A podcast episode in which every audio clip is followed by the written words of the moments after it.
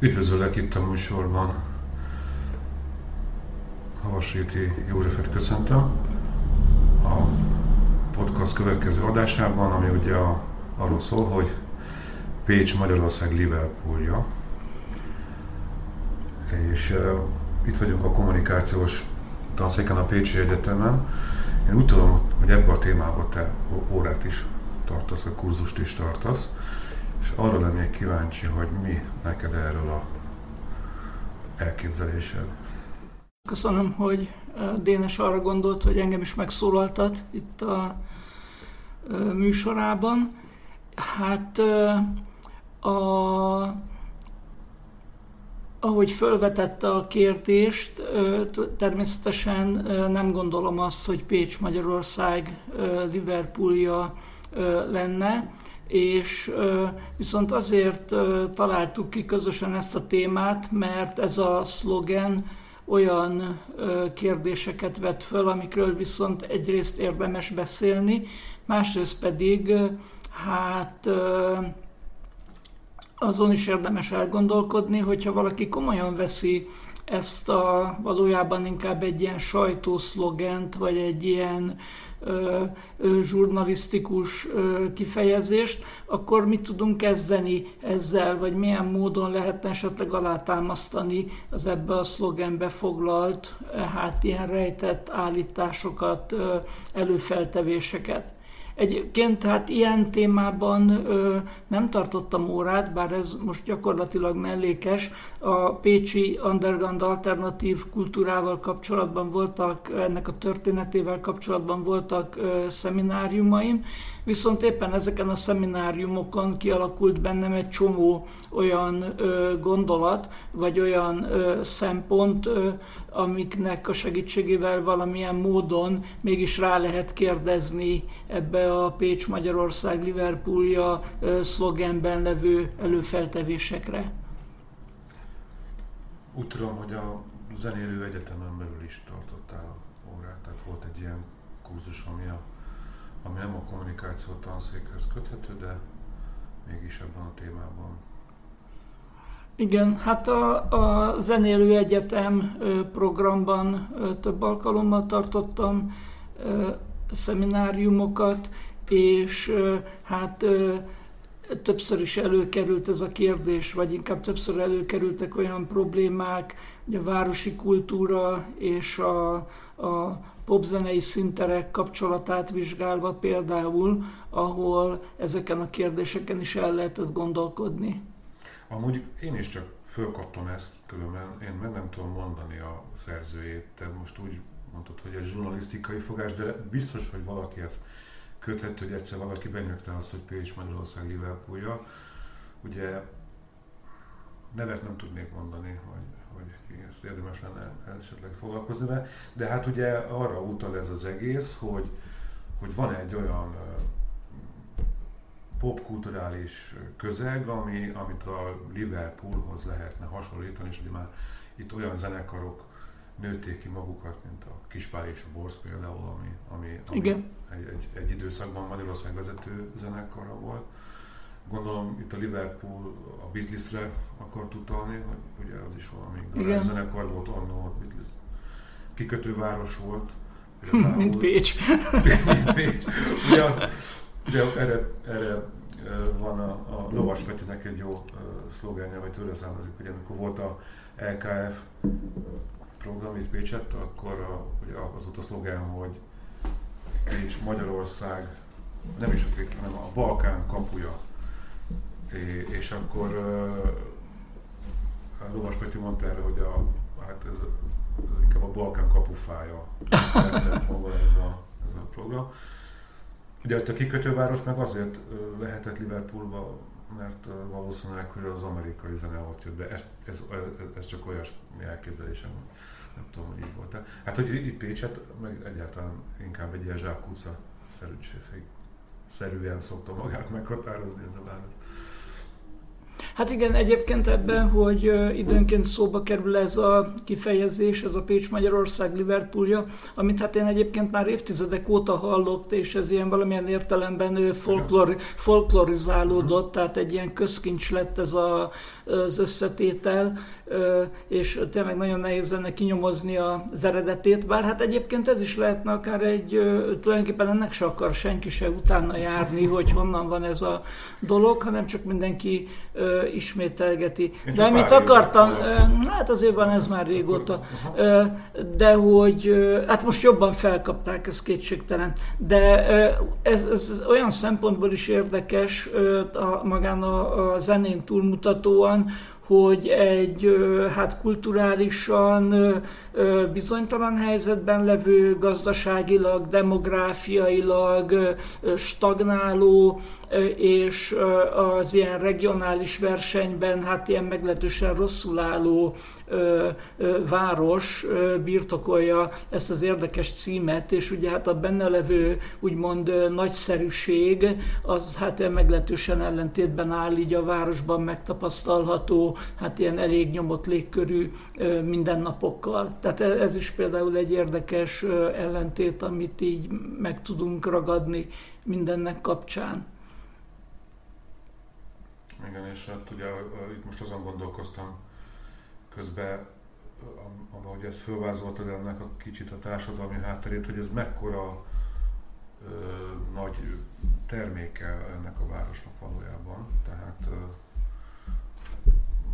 tudom én, lehetne mondani, hogy a lemezkiadásból mennyi pénz folyna be ide, vagy a szerzőjogokból. Hát persze azért léptékeiben valószínűleg anyagilag nem, nem sokat jelent a városnak. Hát feltételezhetően nem. Hát ez valószínűleg így inkább a kulturális imázsnak a, a megalkotásában játszik fontos szerepet, illetőleg hát valóban van egy meglehetősen mozgalmas, populáris zenei, rockzenei, hip-hop, elektronikus tánczenei, stb. szintér, ami valóban hát ezt a benyomást is kialakíthatja a szemlélőbe, hogy létezik ez a fajta ilyen Magyarország Liverpoolja hangulat. Egyébként én, hogyha egy kicsit több, mi elmélyültebben foglalkoznánk ezzel a kérdéssel, akkor szétválasztanék néhány ilyen szempontot. Tehát az egyik, hogy ez tehát nyilvánvalóan, hogy ez ilyen tapasztalatilag, empirikusan, tényekkel azért olyan nagy mértékben nem igazolható, nem támasztható alá. Ugyanakkor persze vannak olyan fejlemények, olyan tendenciák, olyan előadók, akikre mégiscsak lehet hivatkozni. De hát hogy ez általában az ilyen szlogenekkel így szokott lenni, hogy valami közük van a valósághoz, de még nem az a funkciójuk, ugye, hogy a valóságot hülyen leírják, hanem inkább az, hogy ilyen érzelmi és egyéb tartalmakat közvetítsenek, mozgósítsanak. Most a másik, ami egy, ettől a szlogen kérdéstől egy független dolog, az valamiféle ilyen diskurzus, tehát hogy ezt, amit lehetne elemezni a különböző sajtótermékekben, nyilatkozatokban, vagy például a, a a, a Lévai Balázsnak az erre ilyen ö, ironikusan ö, ö, rájátszó, ilyen doku-fikciós ö, ö, filmjére, amit ö, Zömmel ugye itt forgatott. Tehát, hogy ez, ezt megnézni, hogy egyáltalán ebből hogyan épül fel valamiféle beszédrend, ami ö, bizonyos mértékig áthagyja a kultúráról való gondolkodást. És én harmadikként azt mondanám, meg ilyen médiakutatóként, társadalomkutatóként, ezt nagyon érdekesnek találom, hogy tulajdonképpen lehetne ezzel úgymond őt, bár ez kicsit tudom elriasztóan hangzik, ilyen tudományos módon is foglalkozni, de hogy úgy tűnik, hogy ez egyébként olyan túl sok kutatót nem érdekel. Tehát nyilvánvaló, hogy vannak akár a populáris zenekutatásban, akár a kultúrszociológiában olyan fogalmak, amelyeknek a segítségével egyrészt ilyen racionálisan ezt rekonstruálni lehetne, hogy mit értünk ez alatt. Tehát ugye, ahogy a, az angol száz popzenében van, és hát ugye innen jön az egész, hogy van olyan, hogy Liverpooli szintér, van Manchester szintér, van Bristol szintér, vagy az Egyesült Államokban van Seattle szintér, ami ugye a 90-es évek elején a grunge mozgalomon keresztül hát egy ilyen globális jelentőségű kategóriává vált. Tehát azt lehetne nézni, mert nyilvánvaló, hogy van ilyen, hogy Pécsi szintér, mint ahogy van Debreceni szintér is, meg Szegedi szintér is. Ezeket a hozzá kapcsolódó hát ilyen jelenségeket le lehetne írni, vizsgálni, és utána azt szembesíteni azzal, amit magába sűrít ez a Pécs-Magyarország Liverpoolja szlogen. Na most az is tehát, hogy itt ez a, a szintér elméletnek, vagy akár a, a hálózati kapcsolatoknak az elméletének segítségével esetleg meg lehetne ragadni, hogy mondjuk Pécsen belül milyen intézményes, kulturális, akár a populáris zene történetében, akár a kulturális intézményrendszer történetében, akár a közoktatás, felsőoktatás történetében milyen csomópontok vannak, amelyek erősítették azt, hogy valóban nagyon sok sikeres popzenekar jön, vagy emelkedik ki Pécsről, illetőleg, hogy a városnak ez a popzenei élete, ez ilyen dinamikusnak, kreatívnak mondható. Tehát, hogy lennének itt ilyen nagyon izgalmas lehetőségek, csak hát ebben tulajdonképpen rengeteg babra munka van. Persze azt is gondolom,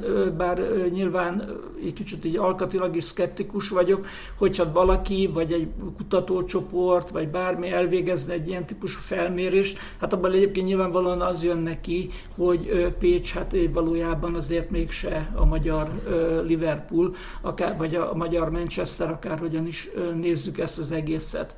Egyébként nagyon valószínű, hogy Egyébként nagyon valószínű történeti szempontból, hogyha a 80-as évek végétől indulóan, majd azt követően hát körülbelül 10 éven keresztül ugye nem Pécsről származik, és nem a, a pécsiséget valóban folyamatosan demonstrálóan működik, a, akkor valóban a, az emblematikus, tényleg elsőprő népszerűséggel rendelkező zenekar, a Kispál és a Borz, akkor egyébként ez az egész elgondolás hiába vannak mellette, meg jöttek utána kitűnő és valóban szintén nagyon népszerű előadók, akkor azért ez a magyar Liverpool dolog valószínűleg nem alakult volna ki egyébként.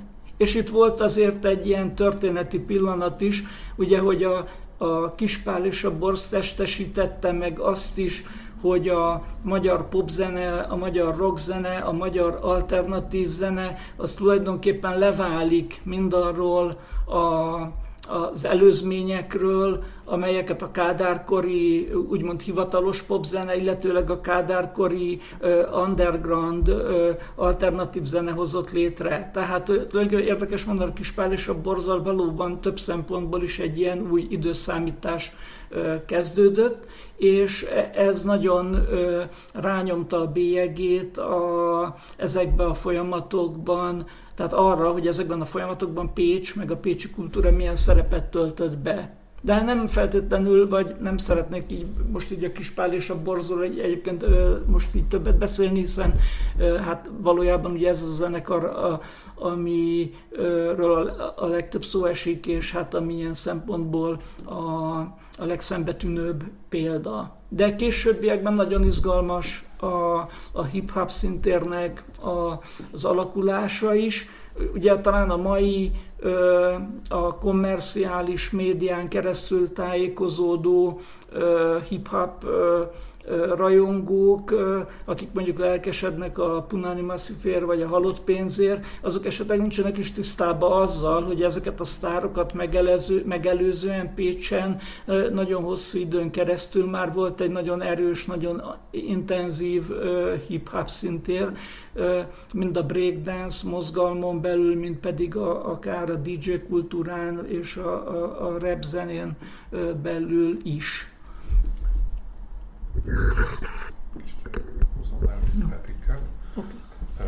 És hát még párhuzamosság is van. Én most néhány hete jött ki a Stereo Kollektívnek a, a lemeze, ugye, az albuma, ami, ami, ami azt lehet mondani, hogy emellett, hogy vannak ezek az úgymond mainstream, ha bár én a Kunáni Masszívot vagy a adott pénzt, én már nem is tudom, hogy milyen kategóriába tenném, tehát az nem a hip-hophoz, de hát a, a Stereo Kollektív az mindenképpen az, az egy ilyen underground hip-hop.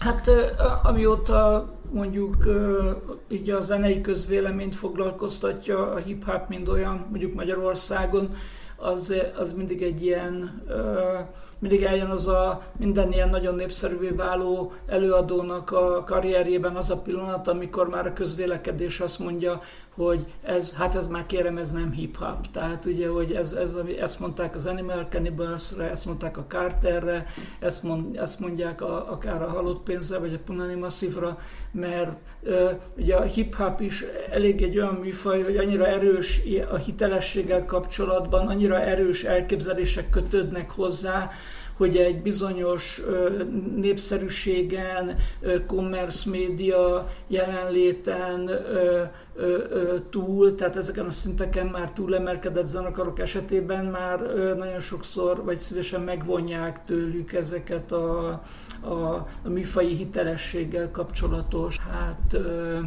mm, kritériumokat, meg mindazokat az előnyöket, amiket egy ilyenfajta besorolás jelentene. Ugye hát az is, hogyha egy punk zenekar hihetetlenül népszerűvé válik, akkor már is mindenki csak azt mondja, hogy hát kérem, ez már nem punk.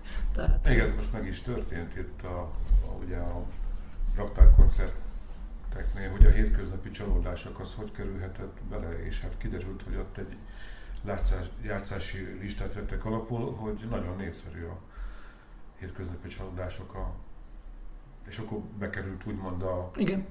az ilyen mainstream médiába, és mondom, ezt a mainstream médiát, azon most elgondolkoztam, hogy ebben az esetben talán a közmédia egyes csatornáira gondolhattál, miközben például pont Pécset is, de Debrecenben, Szegeden is eltűntek a körzeti stúdiók, amiknek valamennyire ez feladata is volt, hogy vagy hallottam, hogy vettek fel abban az időben még, még számokat például, amik, amiket ezekben a stúdiókban hoztak. De ez teljesen eltűnt, hogy egy, nagyjából egy központosított mainstream média van, akár ki is lehet mondani, hogy a Petőfi Rádió, és ami a Petőfi Rádióban elhangzik, annak óriási jogdíja van, ugye a pénzvisszaosztásnál, és aki oda nem kerül bele, akkor abból nem kap semmit sem. Például ez megtörtént a Kispán és a Borza, hogy most néhány éve nem játszák a Petőfi Rádióban, mint egy ilyen büntetés képen. Hát ez valóban így van egyébként. Mondjuk most a, a, a médiának, meg az ilyen egész ilyen kulturális iparnak a nagyfokú központosítása miatt eléggé kialakult az az elképzelés nyilván, hogy a, a mainstream média az a közmédia.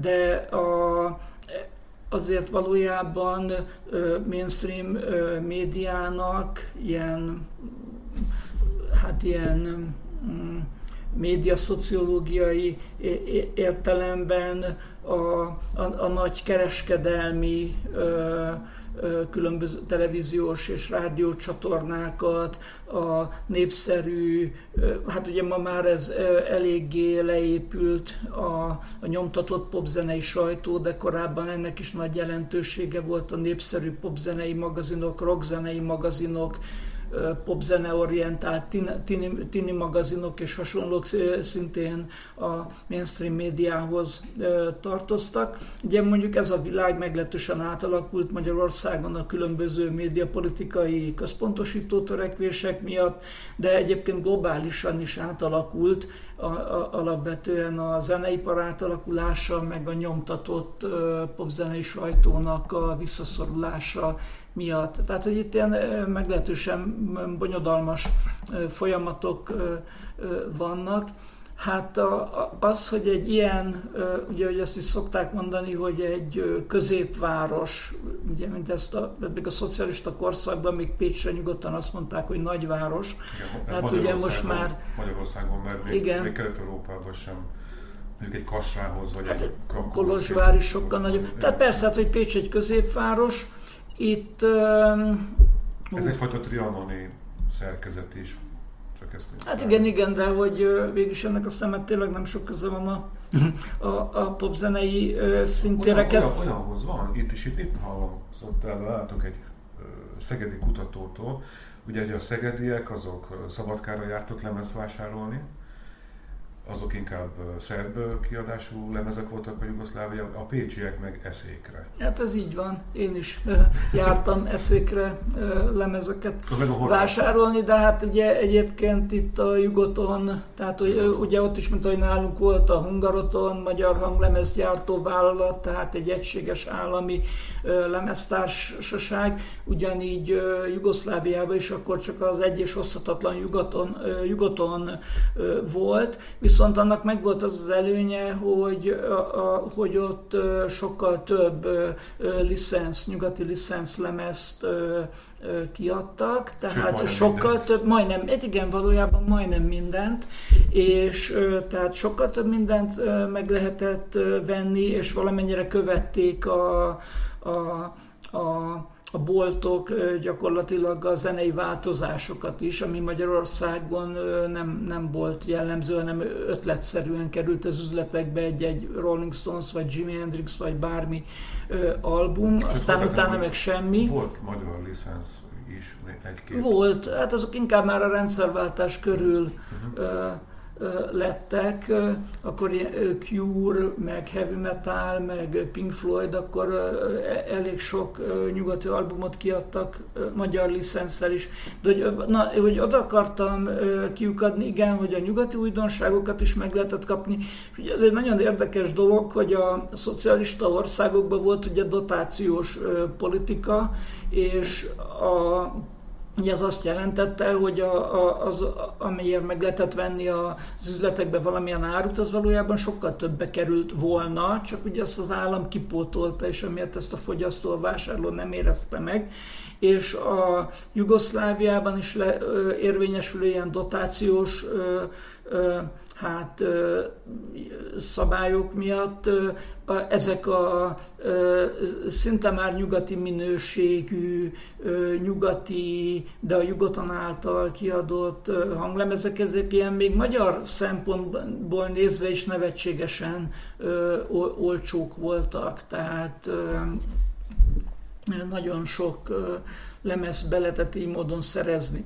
Egyébként a másik viszont, hogy a, a Pécsen és Harkányban elég komoly fekete piac is volt, ahol utazgatás nélkül, persze már drágábban meg lehetett venni ugyanezeket a jugoszláv Lehozták. kiadványokat. Behozták ki, emlékszem a 80-as évekből, hogy, hogy ezek ilyen kis butikok voltak. Sőt, hát volt ugye ennek a, a lengyel változata, ami a kazetta igen. másolás volt. Ugye a lengyelek is, nem tudom mi volt az ő cégüknek a neve, most nem be, de hogy ők is szinte mindent kiadtak, csak kazettát. Hát igen, de ez az a nagy különbség, hogy a, a Jugoton azok licensz lemezek voltak, és tulajdonképpen jogtiszták. A, e, ez a lengyel kazetta dömping, ez egyébként ez, ez majdnem egészen biztos, hogy ezek mind kalóz kazetták, ezek mind kalóz kiadványok voltak ami egyszerűen felismerték a KGST fekete piaci rendszerben levő rést, és hát tényleg bőröntből, kartondobozokból hihetetlenül olcsón árulták ezeket a lengyel kazettákat. Itt a Pécsi vásárban is lehetett kapni. Az egy nagyon érdekes dolog különben, hogy hol mennyire voltak ö, ö, törvényesek ezek a nyugati kiadások, tehát én azt gondolom, hogy Magyarországon jogtiszták voltak, Jugoszláviában is jogtiszták voltak, arról viszont több könyv, tehát ilyen történeti témájú, popzene történeti témájú könyvekben is olvastam, hogy a, a Melodia kiadó, tehát a Szovjetuniónak az államosított, tehát állami hanglemez kiadó vállalata viszont nagyon sok nagyon sok mm, engedély nélküli nyugati lemezt adott ki, tehát amíg gyakorlatilag kalóz lemezek, csak vélhetően egyrészt úgy gondolták, hogy a kapitalistáknak úgyis annyi pénzük van, miért adjunk nekik még többet, másrészt pedig, hogy ez mint ott az Isten háta mögött a Szovjetunióban, hogy ez talán valaki nem fog feltűnni senkinek. De tehát, hogy ott ez a jogi tisztázatlanság a melódia kiadványok esetében sokkal nagyobb volt. Ugye olvastam is egy ilyen hifivel kapcsolatos ö, tanulmányban, hogy abban az időben a melódia volt a világ legnagyobb kalózvállalata. Tehát amit nyilván ez a szerző ironikusan mondott, de hogy mégis volt benne valami igazság mag. Igen, hogy, hogy így értsük, hogyha a, a szovjet lemez kiadó kiadott valamit, az valószínűleg egyből több millió példányban gondolom, erre gondolható. Hát ugye óriási piac is volt persze, tehát hogy ott nem néhány ezret nyomtattak a lemezekből, vagy néhány tízezret, hanem Mondod ezt a többet. kelet-európai szovjet típusú lemezkiadást, hogy azért ennek volt egy olyan korszaka, amikor kifejezetten nem engedtek lemezeket kiadni vagy nem is tudom, cenzúrázták, hogy mit adhassanak ki, vagy tiltólisták voltak.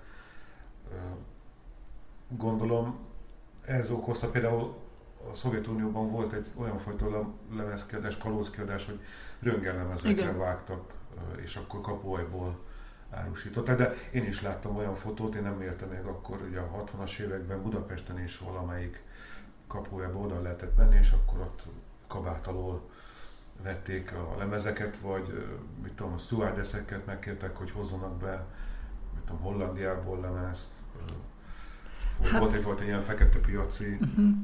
Hát a zenei információknak az áramlása, így a, a vas függönynek a két oldala között, az tényleg egy elég bonyolult ö, probléma. Tehát, hogy a szocialista országokban nyilván voltak gazdasági korlátok, voltak politikai korlátok, tehát ö, valóban volt cenzúra is, és tényleg fontos szerepe volt a fekete piacnak. Tehát Budapesten, ami alapvető volt, és ezt a korabeli sajtó is foglalkozott ezzel. A múzeum körúton a zenei antikvárium mellett volt egy ilyen mély kapuaj, uh-huh. és ott voltak a, a lemezneperek, akik hát az, az már akkor, amikor egy kisebb fizetés 2000-2500 forint volt egy hónapban, akkor már mondjuk 1500-2000 forintért árulták a lemez újdonságokat, de hát az már tényleg egy ilyen lerablás jellegű dolog volt. Különben erről néhány sajtófotót szedtem össze pont erről a, a zenei antikváriumos a, fe, zenei antikvárium melletti fekete piacról, ahol egy ott parkoló Trabantban egy tévés doboz volt, a hátsó ülésen abba bújt el a fotoriporter, és egy lyukon keresztül fényképezgette a feketézőket, úgyhogy ha esetleg majd megosztod valahol ezt a dolgot, amit most itt csinálunk, akkor majd így küldök hozzá néhány fényképet. Ugye a Szovjetunióban, tehát ez gyakorlatilag, ez a röntgenlemezekre vágott kalózlemez kiadás, ez inkább az 50-es években volt népszerű, amikor a, a, a akkor még hát alapvetően ilyen korai rock and roll meg jazz lemezeket adtak ilyen módon. Ugye ez azért volt egy ilyen meglehetősen speciális dolog, mert ezeken a lemezeken ugye nagyon sokszor tényleg csontok meg halálfejek voltak, koponya röngen, melkas röngen, és ugye miatt ezek a kiadványok hát ilyen eléggé kísértetiesen festettek. Meg kézzel voltak Igen, igen, igen, és hát de ez, ez tényleg az 50-es évekre volt jellemző. Aztán, de itt még így is voltak érdekes dolgok, például az, hogy a, a balti országokban, Észtországban, elsősorban, meg Litvániában nagyon erős volt már a kommunizmus alatt a, a, a például a punk, meg a new wave szintér, ugye itt részben azért, amiről itt nevetgéltünk az elején, hogy kikötővárosok voltak, és a, a kereskedelmi ö, tengerészeknek több alkalmuk volt, hogy nyugati lemezeket csempészenek be, másrészt pedig viszonylag közel voltak Finnországhoz, és meg hát ez a ottani szemmel nézve nyugati régióhoz, és jobban tudtak fogni rádió meg televízió adásokat, tehát mondjuk jobban tudtak így tájékozódni, mint valaki, aki ott Oroszországnak a közepén mindentől elszigetelve hát éldegélt. Tehát, hogy ilyen nagyon érdekes, ilyen regionális különbségek is vannak. Ilyen lehetett a, a Lajbaknak az esete Szlovéniában, hogy talán ott is egy kicsit nyugatosabb volt, és akkor ő már a, úgymond az egész európai szintéren híres tudott lenni. De hát mondjuk akkor lehetne mondani, hogy például a 80-as években, hogyha valaki kiment külföldre, keresett magyar lemezt, akkor az a VHK-nak a változó halott kémek című zenekarnak a lemezét lehetett kapni, és nem a Magyarországon kiadott popzenét mondjuk egy, egy németországi lemezboltban.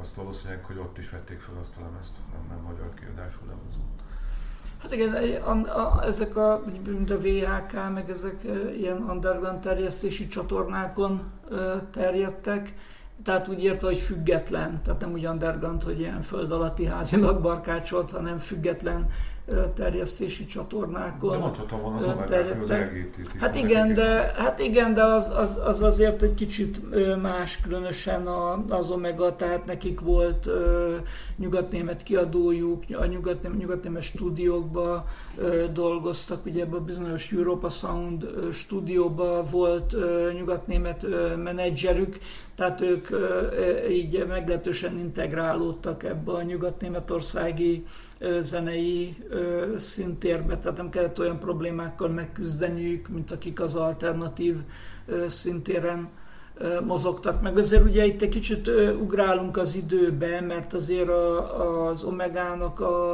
a nyugat-európai karrierje is azért már a, a 70-es, 80-as évek fordulójára kezdett leáldozni, ugye amikor ez az űrrokkos, progresszív rokkos vonal kiment a, a divatból, és egyébként az a Peter Hauke, aki a német menedzserük volt, ő, erő, ő erőltette az Omegának, hogy new magukat, és így ezzel a new wave hangzással kísérletezzenek, de hát ez szerintem önmagában sem állt jól az Omegának. A másik probléma meg ugye hát az volt, hogy egészen egyszerűen öregek voltak hozzá, tehát hogy ilyen így módon, mint javakorabeli, ilyen loboncos hajú, 60-as 60-as évek hippi kultúrájából kinőtt férfiak, hát nyilvánvalóan nem keltették valami túl hiteles New Wave sztároknak a benyomását. Hát ugye maga a VHK az egy nagyon régi zenekar, de amikor már nemzetközi sikereket is elkezdtek elérni, az meg már majdnem tíz évvel később volt. Tehát, hogy itt, ahogy nézzük a korszakokat, évtizedeket, egyébként hát nagyon sokféle változás is végbe ment. Már a kommunizmuson belül is úgy amúgy. Ön teljesen meghökkentő volt én, ugye a legutolsó Ozola Fesztiválon, ami már két éve volt, a VHK is föllépett, hm. és meghökkentő nagy sikert alatott a közönség részéről. Tehát ott az egy nagy nemzetközi társaság volt, és, és ők is öregek már nagyon, Aztán arra gondoltam, hogy te emlékszel Pécsi lemezkiadóra? Én nekem van egy ilyen képem, hogy volt egy Pannonton, még vannak is lemezeim, hogy, hogy létezett Pécset lemezkiadó.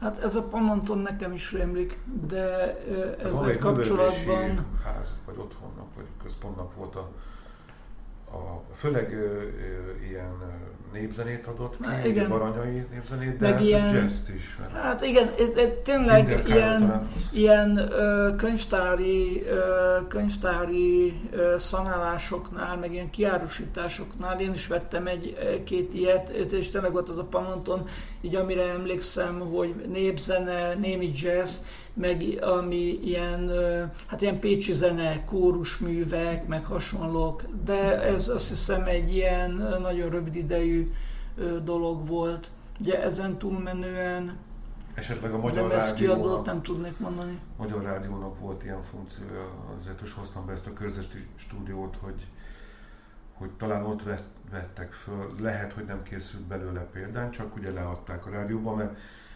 mondod ezt a regionális és központosított médiát, azért a Koszi Csatilla szerkesztette egy időben a rock újságot, ugye? Innen vidékről. Azért ez, ez is egy erős vonal volt, hogy vidékről azért ő bevecsempészhet egy-két zenekart, vagy számot, demót.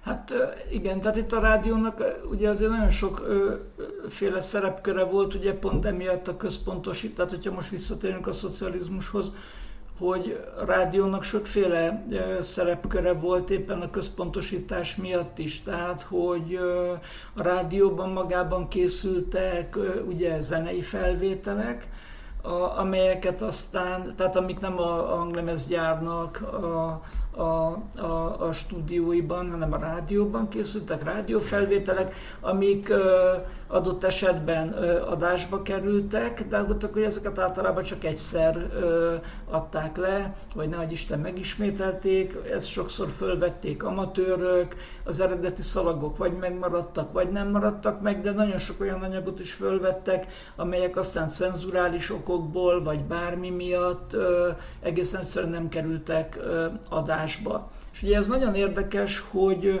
a 80-as évek végén, amikor a, a, a magyar hanglemezgyártóvállalat beindította ezt a krém brandet, amiben ilyen ritkaságokat, meg betiltott lemezeket, meg nem tudom, mi micsodákat kezdtek el kiadni, akkor egy csomó, egy csomó ilyen dolgot előszedtek egyrészt, Másrészt pedig, ami nagyon fontos, hogy a mostani vinil kiadásban is például, amit a Moirász kiadót csinál, Kovács Lászlónak a lemez kiadója, ami egy nagyon jó vállalkozás, tehát az is nagyon sokszor ezekhez a kallódó rádiós anyagokhoz nyúl vissza. És ilyen szempontból egyébként tényleg fontos szerepe volt a rádiónak, hogyha ez nincs, akkor valószínűleg nagyon sok együttesről, meg nagyon sok produkcióról semmiféle zenei emlék nem marad fenn.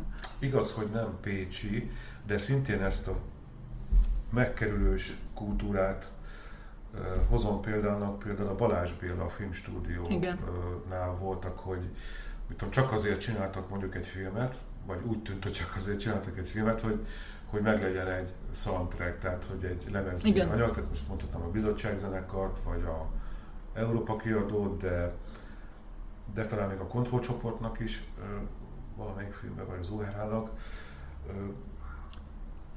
Ilyen, ilyen, ilyen erős pécsi zenekar nem volt, ha jól emlékszem. Ugye ez a, mondtad, mondtad a, a, ezt a szocialista időszakban ezt a, hogy mondjam, milyen, hogy, hogy tehát milyen kerítésnek. Vasfüggöny. Vasfüggöny, ugye ez a, mert hogy ez, ez, ez egy konkrétan egy aknazár is volt, tehát hogy tényleg nem lehetett rajta átmenni, de meg volt ez, ez a vidék Budapest, tehát hogy ha mit tudom, egy vidéki zenekar akart valamit csinálni, akkor annak föl kellett menni Budapestre fölvenni egy lemezt, mert nem, nem voltak vidéki stúdiók, nem voltak vidéki kiadók, és még a, én emlékszem, hogy még a 90-es években is ilyesmi volt. Például a Szőranya zenekarnak emlékszem, hogy a 8-as stúdióba vették föl, a, de a rádió kabaréhoz kapcsolódó Igen. a, a lemezét. Ez is egy kicsit nekem egy ilyen, egy ilyen bújtatott. Hát most már ugye a mai világban otthon házi stúdiókba fölvehetik az emberek, vagy, vagy több produceri cég is dolgozik itt Pécset, akik készítenek felvételeket, és azt rögtön lehet terjeszteni, tehát úgymond eltűnt ez a, ez a függönyszerűség, mert valaki föltesz egy, fölvesz egy lemezt, vagy egy, egy bármit, azt azonnal meg tudja osztani, ugye ez, ez, ez eltűnt ez a fajta dolog. Abban az időben azért tényleg csak így lehetett hallani, hogy rádióban, vagy lemezről, esetleg kazettáról, nem nagyon volt más típusú hanghordozó, úgy emlékszem. Koncert, nyilván koncerten persze. Hát igen. Akkor itt meg lehetne említeni a Pécsi szintéren, hogy azért voltak nagyon legendás koncerthelyek, például a nevelési központ, vagy itt a Balokányban a vízi színpad. Igen. Még akkor mondták, hogy a Káptalan udvar is, ami most újra hát egy zenei színpad lett, vagy zenei szintér lett.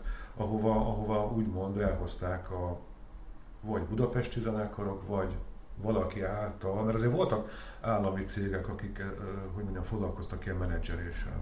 Hát voltak, igen. Tehát ha ugye megint a, visszatérünk az államszocializmus korszakához, akkor ugye a országos rendezőiroda az Ori. szervezte a, a, általában a koncerteknek a fellépéseit. Ugye a 80-as évektől ez is egy kicsit nyílott, akkor már megjelentek ö, nagyon kis számban ö, ilyen menedzserszerű ö, figurák is, és hasonlók. Na most azért, azért ezt, ezt tulajdonképpen úgy kell azért elképzelni, hogy ugye amikor azt mondjuk, hogy most akkor el, ide, Pécsre, vagy bárhová úgymond e- elhozták ezeket a zenekarokat, azért azért azt nem, nem, nem úgy kell elképzelni, mint ha lett volna valaki, aki valami hatalmas kulturális hőstettet ö, hajtott volna végre. Tehát azért ezek a zenekarok lehetőség szerint turnéztak. Uh-huh. És ö, tehát amikor itt volt ö, Edda koncert Pécsen, vagy volt Kartágó koncert Pécsen, vagy P-Mobil koncert Pécsen, akkor tulajdonképpen ezek a zenekarok ezek ilyen országos turnén voltak.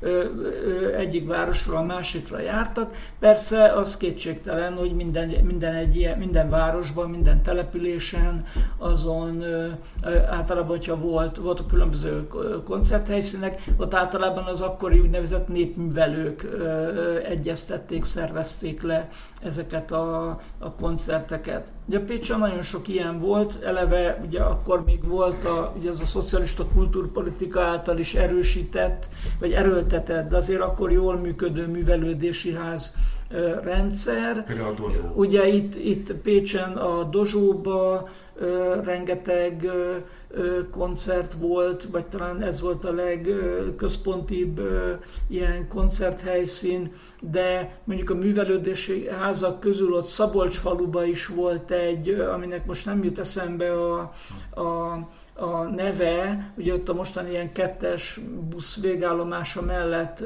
volt egy művelő, lehet, hogy a József Attila művelődési ház volt, aminek kifejezetten volt egy ilyen külvárosi hangulata, és ott, ott tényleg ilyen peri, nem, nem periférikusabb zenekarok léptek föl, hanem olyanok, akiket akkori kultúrpolitika nem annyira kedvelt, tehát tényleg ott voltak P-Mobil, meg Beatrice, uh-huh. tehát még ez a korai baboskendős Beatrice koncertek és hasonlók rendszeresen. Tehát ez érdekes. Ugye most nagyon sokszor a zenekarok Ugye főleg, amikor most ez így előtérbe került, hogy ugye a kínszenvedéseikért nekik valami fajta állami kárpótlást kellene juttatni. Szívesen állítják be azt, hogy ők milyen rettentes nyomás és üldözés, meg egyebek alatt tevékenykedtek. Ebben tulajdonképpen volt valami, de valamilyen értelemben egyszer, ők is a, egyszerűen ennek a korszaknak a körülményei között tevékenykedtek. És az egy probléma volt, hogy az ő zenekari létük az egy vállalkozás centrikus dolog volt, tehát azt menedzselni kellett volna, ott volt az adózás, a, Igen, ez egy a, a, tehát ez a gazdasági rész, e, ezeknek a zenekaroknak a gazdasági tevékenysége, akik jóformán magánvállalkozók voltak, valamilyen módon bele kellett épülniük egy vállalkozás ellenes ö, környezetbe és szerintem ebből egyébként több bajuk meg keserűségük származott, mint abból, hogy őket úgy politikailag üldözték volna, ami egyébként nem is mindig De hogy nem volt tévé, történt meg. Nyugdíjuk talán erre Hát van. igen, hát erre nem volt, persze. A biztosítások túlhajtották magukat, azért nem voltak olyan munkavállalói környezetek, például a műszakok nagyon hosszúakra nyúltak, vagy Hát csak nem voltak alkalmazottak, tehát hogy nem, nem, nem voltak alkalmazottak, tehát ők gyakorlatilag ilyen magánemberként ö, ö, zenéltek ö, valójában. De tulajdonképpen egyébként minden, bármit műveltek, azt mind az állami rendszeren keresztül kellett ö, végrehajtaniuk. Tehát egyénileg nem turnézhattak, se keleten, se nyugaton, egyénileg nem is léphettek föl, tehát hogy azt, azt az orin keresztül kellett, tehát nagyon-nagyon sok ilyen megkötöttség volt. Tehát hogy e, ez, hogy megjelentek az első magánstúdiók, mint az Omega stúdió, tehát az is tulajdonképpen egy ilyen óriási változás volt már, tehát hogy nem kellett azt lesni, hogy valaki egy előadó vagy egy zenekar a, az állami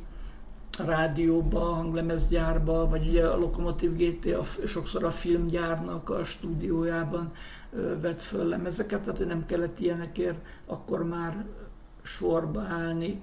Tehát, hogy voltak politikai problémák, meg voltak olyan zenekarok, akik tényleg kulturpolitikai, meg egyéb ellenállásba ütköztek, de ezt én úgy érzem, hogy most, hogy van egy ilyen jóvátételi közhangulat, ezt szerintem egy kicsit az előadók így túl, túl, túl dimenzionálják azért. És hogyan látod, hogy 90-es évek meg a ezredforduló után a és mondjuk itt pontosan még Pécset is, hogy hogyan alakult az át a, a mai popzenében? Hogyan alakult a szintér például? Hát én ugye a jövedelmekről tulajdonképpen nem tudok semmit. Tehát csak ez is... legendák van annak, hogy hú, de meggazdagodott valaki, vagy valaki csak hobbistaként játsza a, a számait. Hát ezeket a dolgokat is nem tehát ezeket is, tehát így, ezt így kutatni kéne. Tehát, hogy mert néha van, amikor így visszaemlékezésekbe előkerülnek ilyen összegek, hogy ki ezért, ki azért, ki azért mennyit kapott, de hát ugye az emlékezet az is ilyen szubjektív, megbeszélnek az emberek össze-vissza, tehát itt tulajdonképpen ilyen forráskutatásokat kellene végezni, ami hát Ugye ez a két probléma van, tehát hogy az óriási munka, másrészt meg nem kecsek, tehát olyan látványos eredményekkel. Tehát ugye az, hogyha egy történész vagy egy újságíró beül a, az állambiztonsági hivatalnak a levéltárába, és akkor ott valami sztárról kiderítő, hogy ügynök volt, akkor ugye az egy óriási szenzáció, akkor ez lehet egy sajtóhír, vagy lehet egy alaposan megírt történettudományi munka, mint mondjuk a Szőnyei Tamásnak a könyvei, de mindenképpen nagyobb érdeklődést vált ki, mint hogyha az valaki kinkeserves munkával összerakja, hogy mondjuk hogyan alakultak a, a mondjuk a, a jövedelmek, a, a zenekarok, meg az akkori zeneiparnak a, a, a, a közegében. Meg ugye itt tényleg az is probléma, hogy ezeknek egy része azért érintkezett a fekete gazdasággal. Tehát, hogy az, az valóban úgy volt, hogy a, a, a jegyekkel nem számoltak el rendesen, Aha. tehát hogy az, az, az, az Pécsen, kéz, Pécsen is, az nagyon gyakori volt mondjuk Pécsen is, hogy népművelők, a jegyeket odatták ilyen rajongóknak, de csak úgy hozomra kapott valaki egy jegytömböt, és akkor az mindenki az ott árulgatta a barátai között, meg az iskolába. Ezt általában lehetett tudni az iskolába, hogy akkor, hogyha van koncert, akkor kinél lehet megvenni a jegyet. És akkor azok, mintha eladták a jegyeket, azok elszámoltak annak a népművelőnek, de hát ugye ezek ilyen tömbök voltak, tehát semmi ö, ilyen speciális ö, nyilvántartása nem volt ezeknek, és akkor hát tényleg az nagyon sokszor megtörtént, hogy a, a, a szervező azt mondta a zenekarnak, hogy sajnáljuk fiúk, de csak száz jegyet adtunk el, vagy valami, és ugye ebben nyilván voltak viták is, ugye amikor vége volt a koncertnek, akkor látták, hogy 500-an vannak, de hogy akkor kivette meg a többi jegyet. Ó, hát csak beengedtük őket a közepén, annyira könyörögtek, szóval, hogy ez egy ilyen húz meg, erez meg, cirkusz is volt sokszor. Tehát most bocsánat, ebben kicsit így leragadtam, de hogy végül csak azt akartam ezzel érzékeltetni, hogy a valós ö, jövedelmi viszonyokat valószínűleg nagyon nehéz ö, rekonstruálni. Ma már valószínűleg úgy van, hogy a mai ö, szervezők, nevezük szervezőknek, ugye amikor meghívnak egy zenekart, akkor ez egy vállalkozási formában történik, hogy kötnek egy vállalkozói szerződést, és akkor arról a zenekar ad egy számlát, vagy a zenekarnak az egyik tagja, nem tudom, egyéni vállalkozóként, BT-ként, és akkor ő pedig elszámolja mondjuk annak a, az intézménynek a, a költségvetésébe. Hát igen, de szóval itt gyakorlatilag olyan két különböző politikai, gazdasági berendezkedésről beszélünk, hogy itt tulajdonképpen szerintem az ilyen összehasonlításnak gyakorlatilag nem is sok értelme van, meg mondjuk az, hogy most mi volt a 80-as években, az, az, az olyan szempontból érdekel, vagy van róla valami fogalmam, mert mint ilyen kutató, hát úgymond így foglalkoztam ezzel. Most az, hogy ma ez, ez mint egy gazdasági vállalkozás, hogyan működik, az számomra így nem téma, meg hát egyáltalán nem is érdekel, mert hát az egy teljesen más dolog. Tehát ezzel az erővel azzal is foglalkozhatnék, hogy a, nem tudom én, a villanyszerelőm hogyan tesz szert.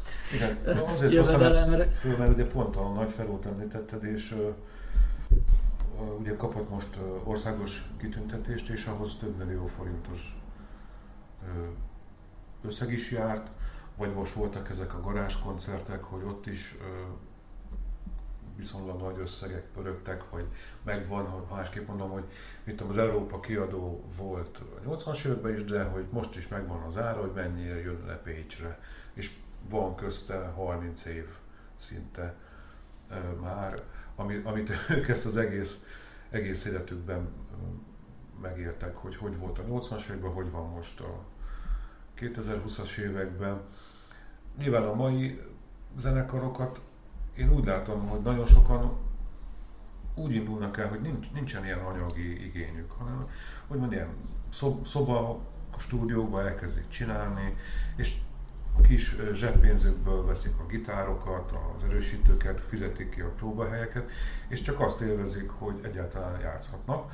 És akkor itt hozom be megint ezt a Pécs Magyarország liverpool hogy én akkor találkoztam vele először, szerintem, amikor a Médim, az első Médim Pécs Fesztivál megszervezték, hogy kiderült, hogy a mai, a mostani, ami lesz, hogy most már 150 zenekar van, aki egyáltalán jelentkezett Pécset, 150 zenekar.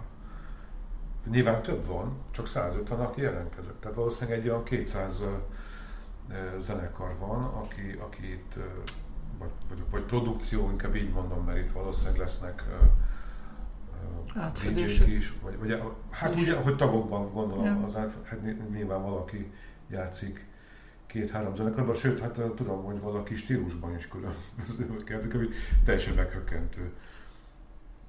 Tehát akkor valójában így jön ki ez a 150-es szám, ami egy ekkor városban, most mondjuk azt, hogy laknak itt 150 ezeren, ha bár valószínűleg kevesebben, akkor minden ezer főre jut egy zenekar ugye innen is, innen is jöhet az, hogy, hogy itt sok zenekar van. Hát sok. Hát ez a szá, a 150 szerintem ez rengeteg. Bár szerintem ez így jó, hogy van, de az szerintem nagyon valószínű, hogy ez különböző okokból egy kicsit ilyen felülreprezentáltságot tükröz, hogy az egyik, hogy ez egy lehetőség, tehát hogy tulajdonképpen egy 20 perces programmal kell a közönség elé állni, és ugye a kezdőzenekarnál az, az nagyon sokszor gond, hogy mondjuk azért nem tud turnézni, meg túl sok fellép, fellé, fellépést vállalni, mert az elején még egész egyszerűen nincs műsora.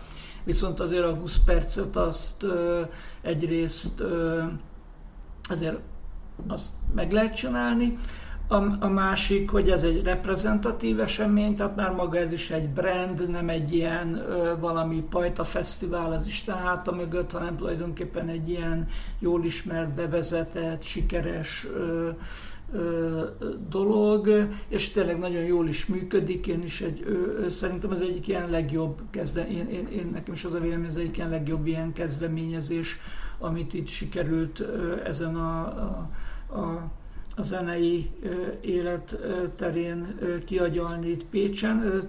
Tényleg, nagyon jól működik. Ugye a Lévai Balázs is itt forgatta ezt a bizonyos Pécs, Magyarország, Liverpool témájú filmnek a, a, az anyagát. Most sajnos nem jut eszembe a, a pontos címe.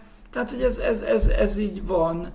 Itt ugye ilyenkor mindig az a kérdés, hogy egy ilyen immár reprezentatívvá vált, sikeres, dolog által nyújtott hát ilyen összkép, vagy, vagy lehet, hogy inkább csak egy kicsit ilyen felszíni kép, az úgy mennyire felel meg a tényleges, mennyire felel meg a, a tényleges helyzetnek. Hiszen például nagyon sok zenekar, aki ezzel, ebbe közreműködik, ő azt, azt találná ide, ideálisnak, hogyha minden hétvégén vagy legalább egy hónapban néhányszor felléphetne hasonló lehetőségeknek, lehetőségek közepette, vagy hasonló körülmények között, az viszont már nem biztos, hogy annyira lehetséges.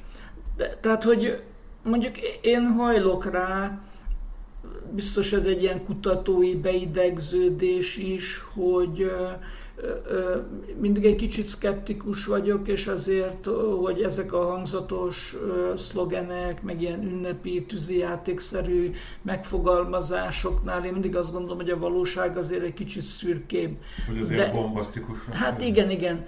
De hogy az, az viszont kétségtelen, tehát ezt szerintem senki nem vonja kétségbe, hogy igenis, igenis erős a zenei őszintén ez rendben van, ennek így örüljünk, Sőt, sok jó dolog van belőle. Egy hét helyszíned már. Tehát ha, uh-huh. ugye ez nem csak a zenekaroknak a mondod, ilyen húzó ereje, hanem a helyeknek is. Igen. Sőt, sőt, a helyek már karakteresen jelennek meg, hogy mit tudom én, a, a Tititá az, az, a, rock, az a rokkos hely mondjuk, uh-huh. még a szabad kikötő inkább az ilyen artrokkosabb, még mondjuk a a Medium Page-nek a helyszíne az a mainstreamesebb, és akkor lehetne ezt még sorolni. Hát igen, tehát az is fontos, hogy sok ö, helyszín van. Ez, ez nagyon érdekes. Általában a, akik és akkor a... az emberek. Hát tudom, egész. hát ja.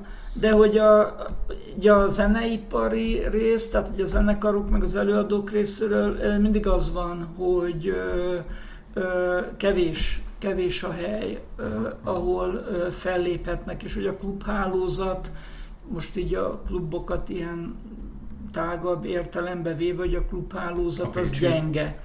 az hát mondjuk itt a Pécsi. Aha. A Pécsi, mert ezzel kapcsolatban sok, én is járok egy csomó helyre zenét hallgatni, meg úgy egyébként is a társaság kedvéért, és hogy, de hogy, hogy, hogy kevés. Most nyilván én, mint egy félig med- meddig kívülálló, én, én úgy gondolom, hogy tulajdonképpen sok jó helyszín van. Persze lehetne kétszer ennyi, meg háromszor ennyi, meg minden lehetne, de hát hogy e, ez, hogy ez így van, ez szerintem az adott gazdasági helyzetnek, meg így a dolgok működésének hát így nagyjából megfelel. Most általában a zenekarok azok valahogy úgy gondolkodnak, hogy legyen több klub, valaki oldja meg. Jöjjön egy milliómos, nyisson egy klubot, jöjjön az állam, adjon pénzt, aztán megint jöjjön az állam, jöjjön egy nagy vállalkozó, az is adjon pénzt, de hogy szerintem a, kere, a keresleti, tehát, tehát hogyha valahogy azt, azt, azt kezdjük ö, ö, elvárni, és egyébként ezt a legvezetőbb ö, e, magyar előadók, meg az underground szinten is levő előadók mind úgy gondolják, hogy persze nagyszerűen fog minden működni, csak jöjjön valaki és töltsön pénzt bele és aztán ez vagy megtörténik, vagy nem. Meg amikor megtörténik, akkor meg ugye az a probléma, hogy akkor meg, hogy de hát nem oda töltik a pénzt, ahova kéne. Tehát, hogyha ilyen mecenatúrától, meg állami támogatástól, meg nem tudom mitől kezdünk el, elvárni dolgokat, akkor azért tulajdonképpen, szerintem ez egy kicsit azért én problémás és hogy az ilyen sok ellentmondást szül, és hát egészen egyszerűen ez van. Hogyha a keresleti kínálati viszonyokat nézzük, akkor meg hát kialakul egy ilyen egyensúlyi helyzet, padhelyzet, amit most is így van Pécsen klubszintéren, ahogy körülnézünk, az um, szerintem még újabb nem tudom hány ilyen klubnak a nyitása nem biztos, hogy előrelépés lenne, annál is inkább, mert akkor meg ugye kezdődik az, hogy átvándorol a közönség, meg átvándorolnak az előadók, tehát hogy ilyen ideális világ így, így nincsen sajnos ez a helyzet. De mégiscsak mondjuk egy szexárthoz, vagy egy Kaposvárhoz képest azért sokkal jobb a helyzet. Hát azért, sokkal, persze. Ugye ennek sok oka van, például szoktak mondani az egyetemistákat, ugye, tehát például az egyetemi klubba, a szenes, ami így kiesik ebből a belvárosi sztoriból, mert a, a Medium Page-nek azt hiszem nem lesz helyszíne, de amikor van rendesen egyetemi élet, mint ahogy most nem volt, az egy teltházas és színvonalas koncerteket. De hát Igen, de hogy itt nem csak a, a, a klub, tehát nem csak így helyekről van szó, hanem egészen egyszerűen a sokaságról, a tömegről. Tehát, hogy azért, hogy valami, legyen valami ö, ilyen ö, ö, mozgás, meg kulturális produktivitás, ahhoz így emberek kellenek. De nem az, hogy legyen 5-6 lelkes fiatal, meg 15 lelkes fiatal, hanem ilyen százak kellenek, ezrek kellenek, és hogy e, ez Pécsen adott, mert van egy marha nagy egyetem, van nem tudom hány gimnázium, nem tudom hány szakközépiskola, stb. Hát úgy tűnik most már ezek mind vannak, csak épp munkahelyek ö, nincsenek, de hogy, tehát, hogy itt van ez a tömeg, ami ilyen célokra így mozgósítható, és hogyha az emberek már itt vannak, akkor ezeknek egy igen nagy része itt akar valamit csinálni. Viszont mondjuk Kaposváron, meg Szexárdon ott egyáltalán nincsenek ennyien. És hogy ez a szá- töredékese. És hogy ez a számosság szerintem nagyon sok helyen tetten érhető. Például ugye a nemzetközi diákok, a külföldi egyetemisták miatt, ugye nagyon sok helyet most már lényegében szinte ők tartanak el egyfelől, de még olyan egészen kis dolgokban is tetten érhető. Ugye ezt most a, a Made in Page magazinba a Bosnyák Jani, ugye, aki a lemezbörzét csinálja, ő is nyilatkozott, de hogy a lemezbörzéken én is a saját szememmel láttam, hogy azt a vinil lemezforgalmat, ami ott lebonyolódik, annak a nagy részét az itt tanuló német, holland, norvég, stb. diákok teszik ki, azok vásárolnak ott vinil lemezeket. Hogyha nem lenne egy nemzetközi képzés, akkor lehet, hogy még ez a lemezbörze se tudna felszínen maradni. Most megint Tehát, lesz, ugye? Megint lesz, persze, én is szoktam mindig ott Hát meg a, ha már egy kicsit eltérünk, például én azt láttam, hogy a külföldiek az elektronikus zenei szintere magyarul, ahol lehet táncolni. Hát igen, hát azért mondom, szóval, hogy vannak olyan ugye, mert ő nem tud, helyek, nem, amik... mit kezdeni egy, egy magyar zenekarral, ha bár vannak uh, angolul éneklő pécsi zenekarok is, akit, akit, akit mondjuk meg, meg tudnak érteni a külföldiek, hogy mit, miről is énekel mondjuk az a zenekar. Meg mondtad is, hogy téged ez az anyagi rész annyira nem is érdekel, de valójában mi érdekel téged ebben a pop zenei kultúrában?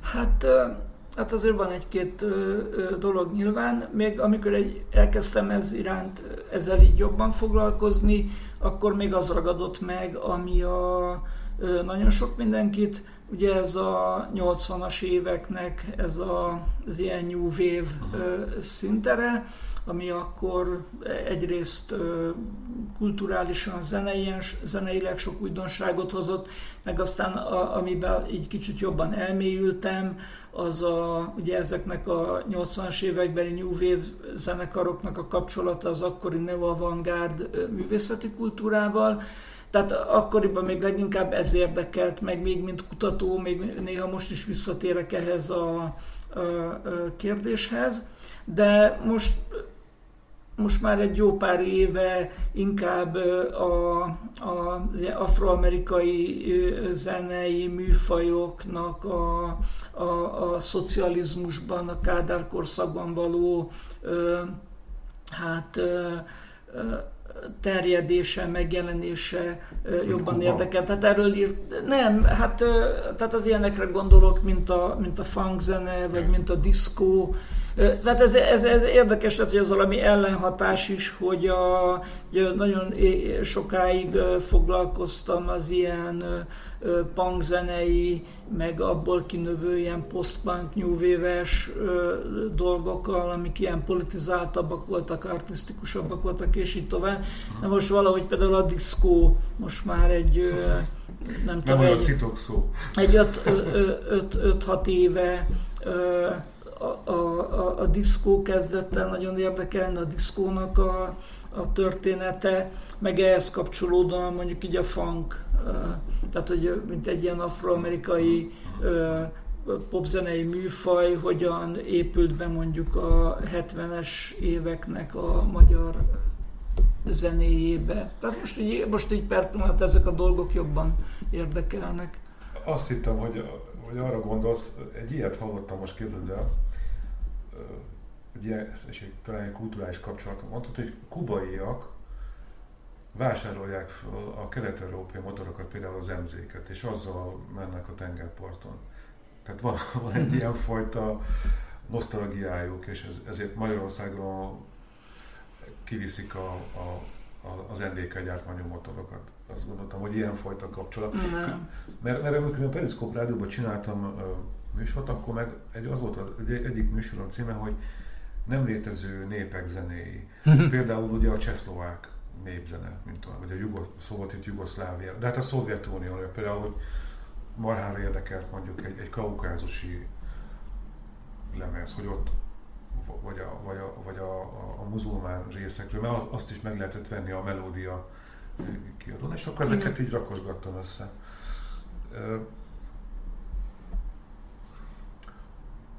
Most vagyunk egy óra öt percnél. Na, nagyon sok téma lenne még különben. Jó.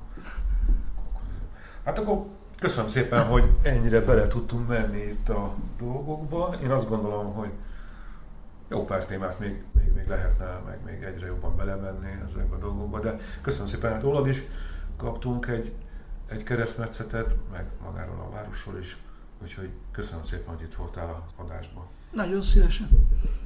Most búcsúzik a Pécs Magyarország Liverpoolja című podcast adást, amelyet az NKA hangfoglaló program segítségével készítettünk.